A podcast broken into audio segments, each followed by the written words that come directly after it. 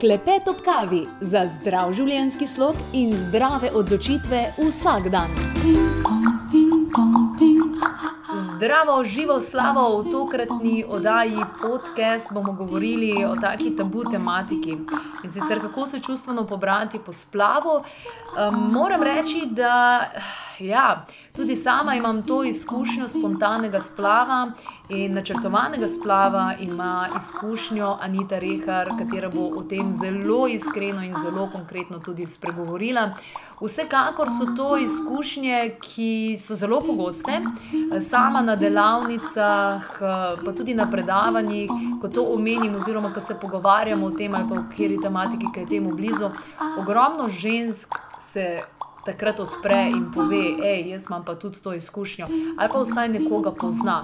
Skratka, to je večja problematika, kot se zdi, in to je pomembno, da o tem spregovorimo.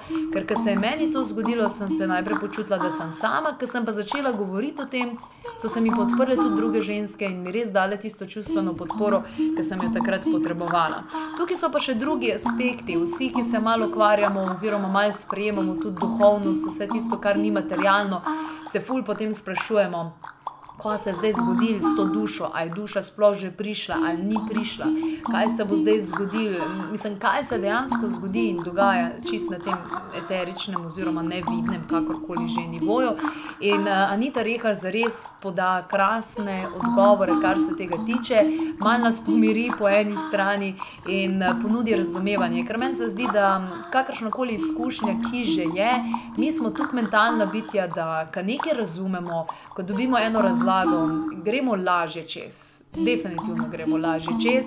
In najslabše, kar lahko narediš pri izkušnji splava, po mojem mnenju, je to, da se ne zjokaš, da držiš vse, da rečeš, ne, vse je vse kul, cool, vse je vse kul. Cool in da, da tega enostavno ne izraziš. Bi pa povedala še to, predvsem pri meni je bilo tako, pa slišim, da tudi pri drugih ženskah. Splav je za partnerstvo zelo, zelo naporna zadeva. Um, sama sem po spontanem splavu, ki sem ga imela s tistim partnerjem, potem zelo kmalo končala zvezo, v roku pol leta, mislim, da.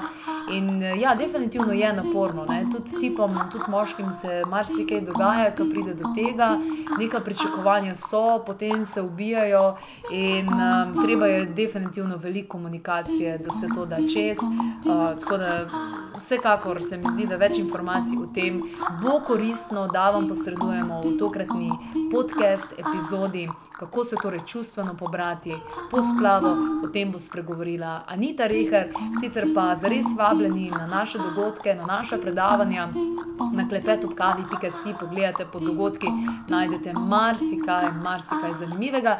Pa zelo vam bom hvaležna tudi, če za podcast, način poslušanja, poveste še komu drugemu, ker opažam, da v Sloveniji veliko ljudi sploh še ne ve za to, pa bi bilo fajn, da zvejo. Tako da, evo, zdaj pa uživajte v poslušanju.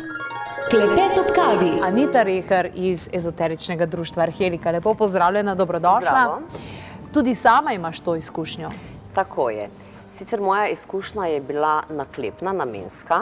Uh -huh. uh, zgodilo se je, pač čas okoliščine niso bile primerne, da obdržim uh, otroka in sem se odločila, da naredim splav. Uh, Vendar pa, preden se odločimo za ta korak, je nujno potrebno, da sami pri sebi razčistimo čustvene, bom rekla, te okove, ki nas potem lahko prepredejo in dejansko osvojijo.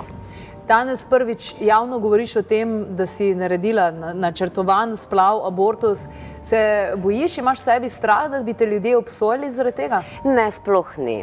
Zato, ker vsaka ženska ima pravico sama odločati, kaj in kako bo naredila s svojim telesom. To je dejstvo. Drugo, kaj pa je, če imaš ti v sebi neka uh, dejstva razčiščena, uh, jaz vem, da takrat temu otroku ne bi mogla nuditi, ampak res prav ničesar.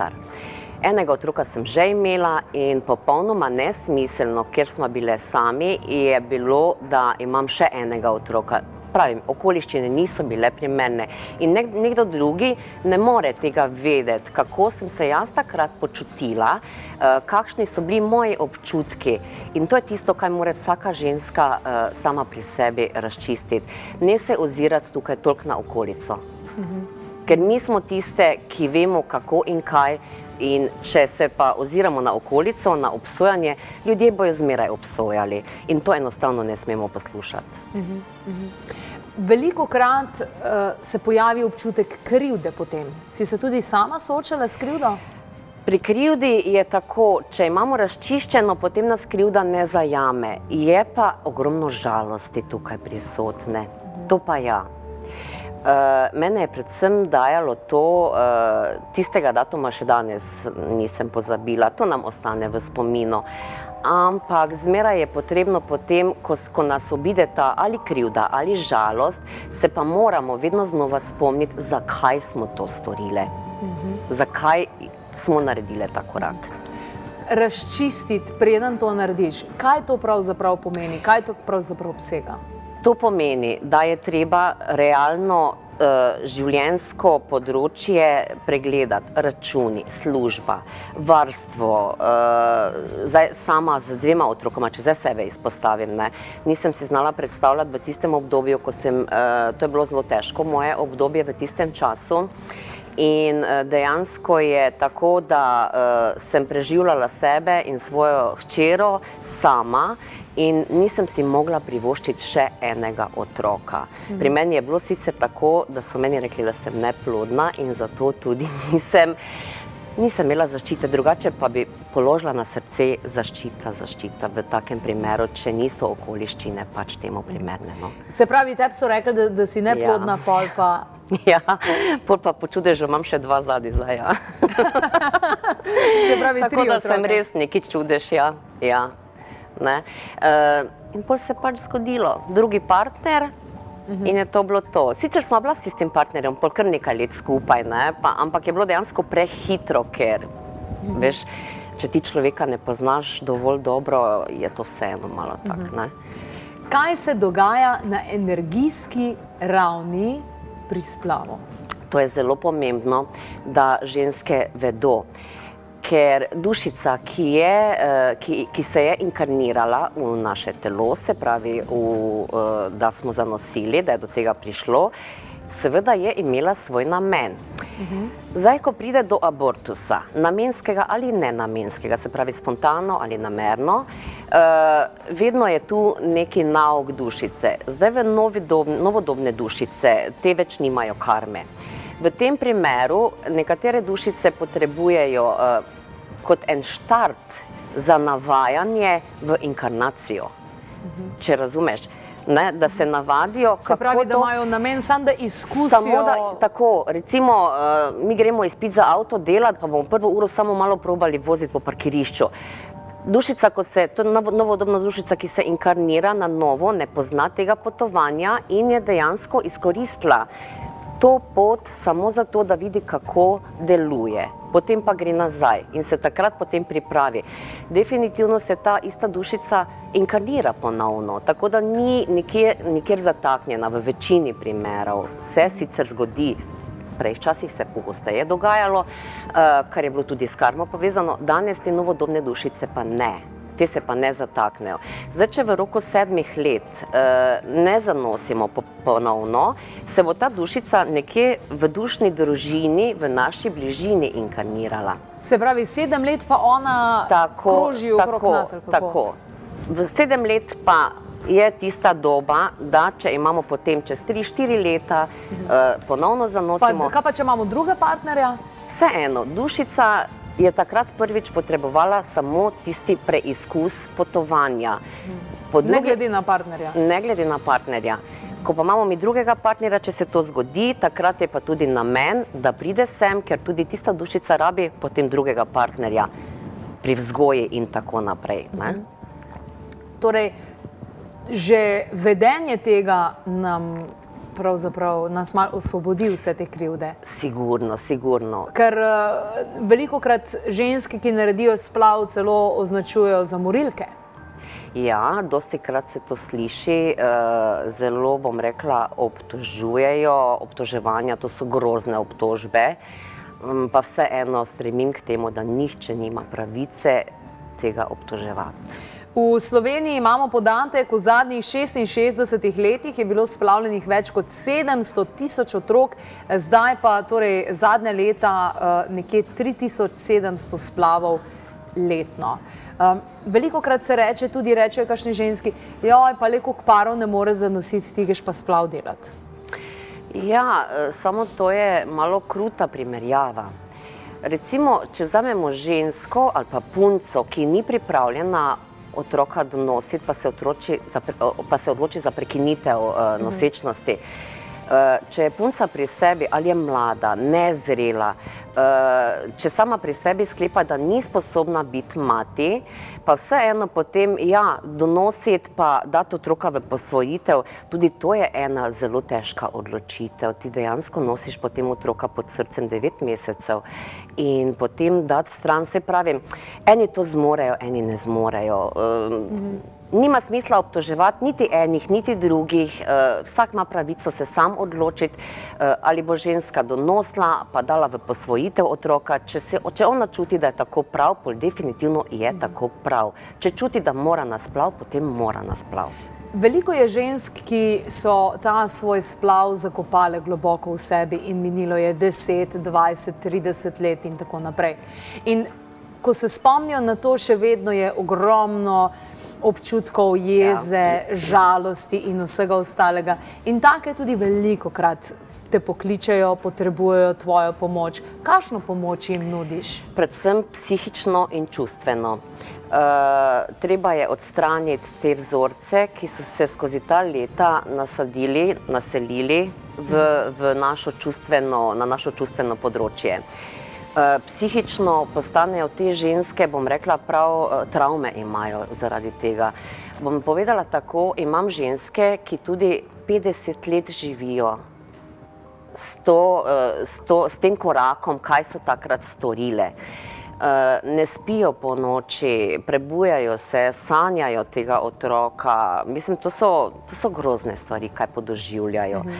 In zmeraj pač razložim, tako kot sem te tukaj razložila, kaj se dejansko z dušico zgodi, uh, kakšna je ta pot, da če smo to čutili v sebi, definitivno je bilo tako namenjeno in uh -huh. ni nič slabega, potem je pa treba izbrisati dogodek.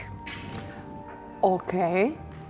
To se pa naredi tako, da se prav na energijski ravni se vrnemo nazaj v tisti trenutek, ko se je to zgodilo in dogodek izbrišemo iz spominskih celic.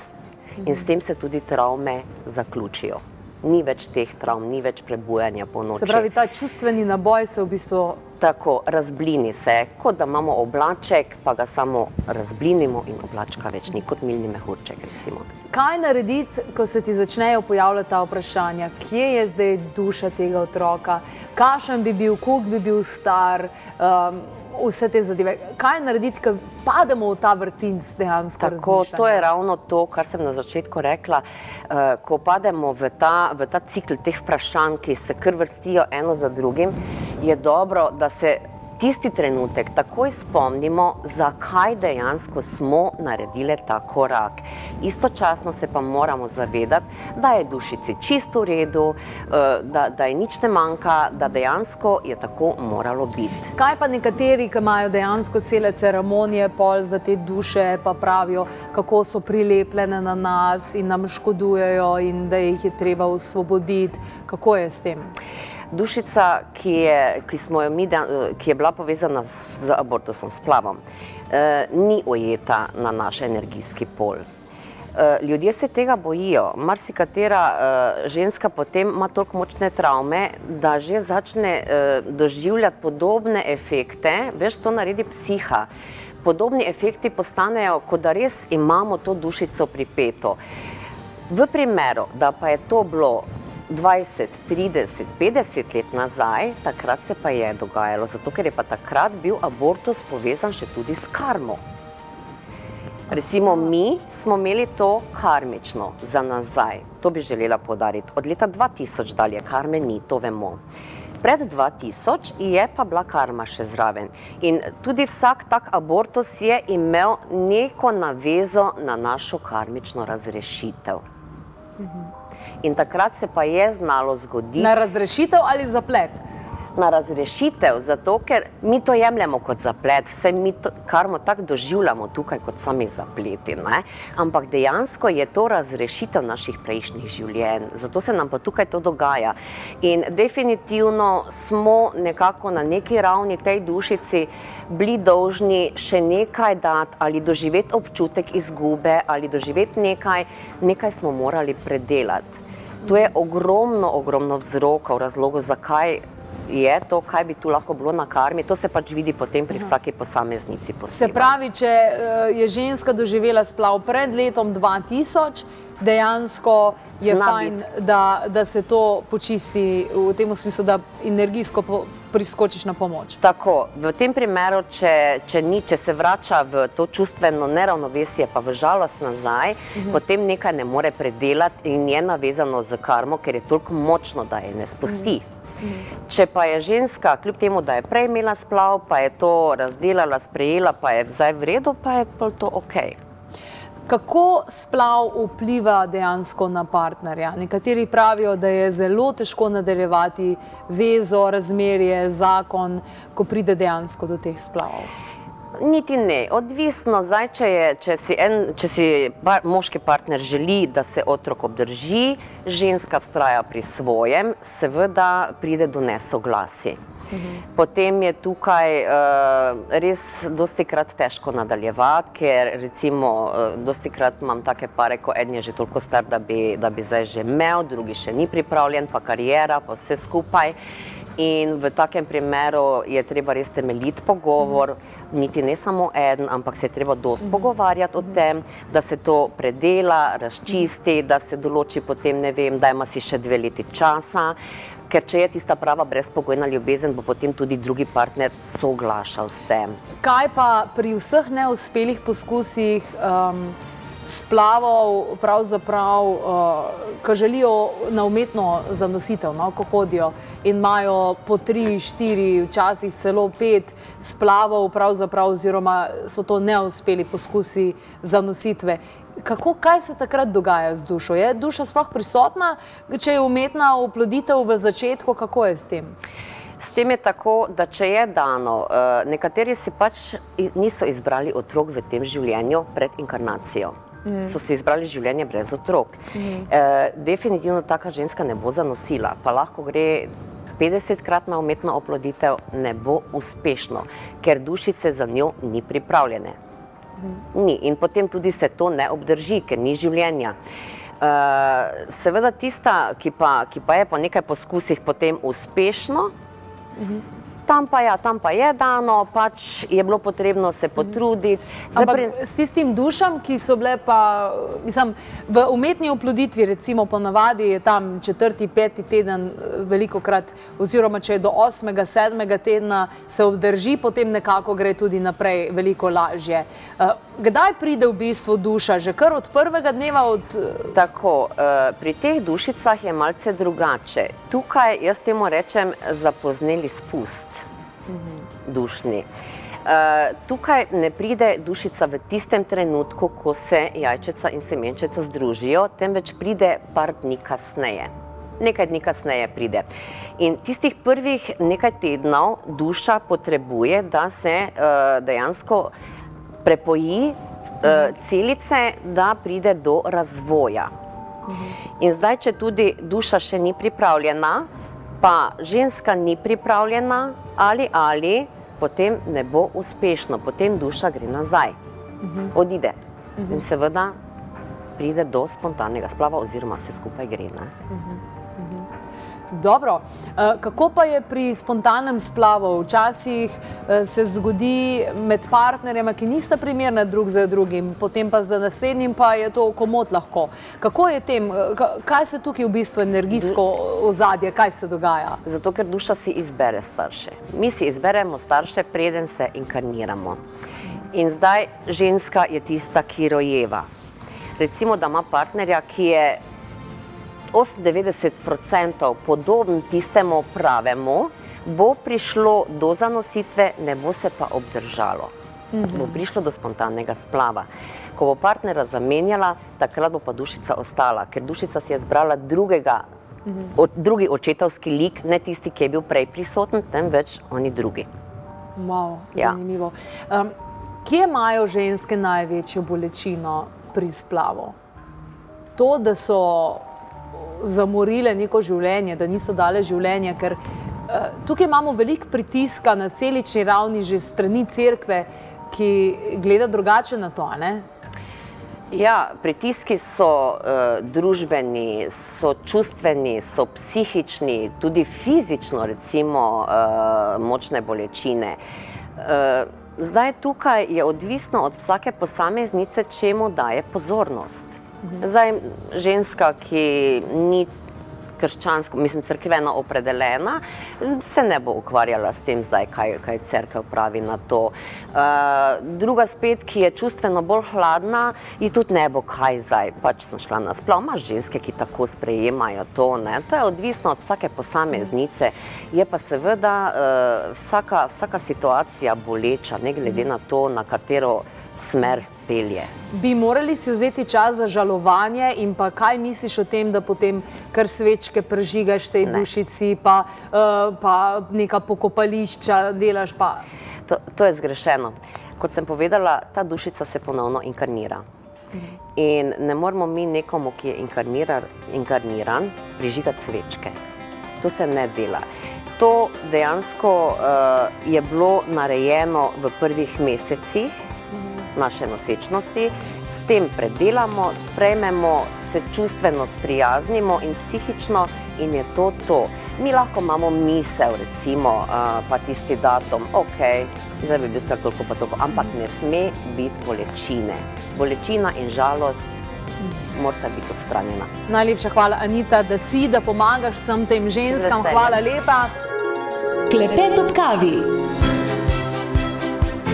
Poslušali ste avdio posnetek oddaje Klepet ob kavi, omenjene izdelke, povzetke, povezave najdete na trikadvojni vek, klepetobkavi.si, lahko pa tudi pokličete svetovalke na nič 26200 230 ali pa pišete na infoafna klepetobkavi.si.